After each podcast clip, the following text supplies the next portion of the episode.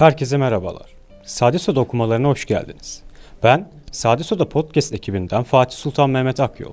Bugün sizlere Sade Soda'nın 13. sayısında yer verdiğimiz Üstad Sezai Karakoç'un yazdığı Oruç da Acıkır isimli eserini seslendireceğim. Keyifli dinlemeler. Oruç da acıkır. Oruç hiç gecikmeden, yolunu şaşırmadan, tam saatinde, dinç ve genç, tarihin dinamizmini de özünde gaybın üfleyişi gibi taşıyarak geldi. Madem ki geldi, onu iyi tanımak gerek.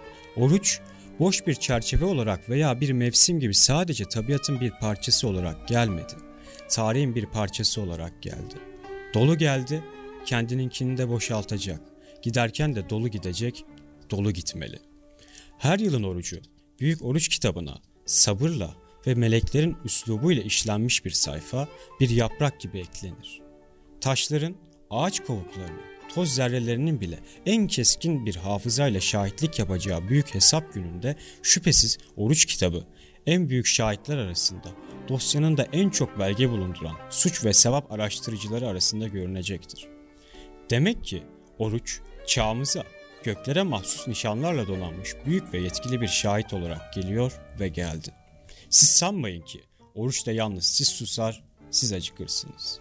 Oruç da susar, oruç da acıkır. Çünkü oruç da canlıdır.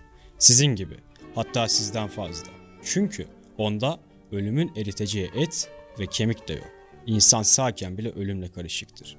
Biz hayatla ölümün karıştığı bir terkibiz. Sağken hayat ölüme baskındır ve ölümü kullanır. Sonra yaşlandıkça ölüm güçleri yavaş yavaş artar ve ölüm yüzdesi hayat yüzdesinin üstüne çıkar bir gün. İşte o gün ölmüşüzdür. Ölüm hayatı kullanmaya başlamıştır. Toplum yaşayışında da böyle. Ecel olarak gelen ölüm bu hayat ölüm çatışmasını kesin bir sonuca bağlar. Ama oruç yüzde yüz olarak diri saf olarak diridir. Net diridir, insan gibi brüt olarak diri değildir.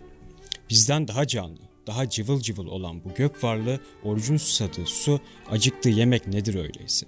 Şairin şair için dediği, cins şaire mahsus yiyecekler. Deniz yosunlar mavilik meduzalar tarzında. Oruca, gök şahidi oruca mahsus besinler. Yükseltilen dualar, derinleşen secdeler. Kur'an sesiyle aydınlanan ikindiler.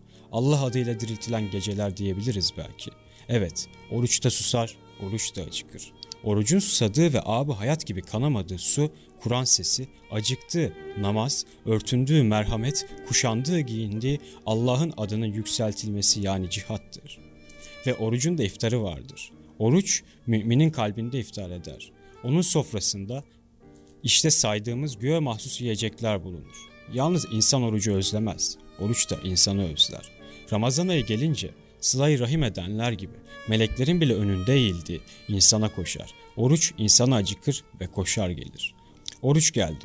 Öyleyse oruca yiyecek taşımalı, su sunmalı, orucun lambasını yakmalı, örtüler atmalı üzerine ki geldiğinden daha zengin gitsin, verdiğinden daha çok alsın.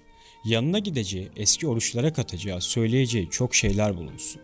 Çağımız Müslümanlarının portresini eski çağ müminlerinin portrelerinin yanına çizecek ya, bizim öyle bir portremizi çizsin ki ileride gün olur ki o portreyi bize gösterirler, utanmayalım ondan o zaman.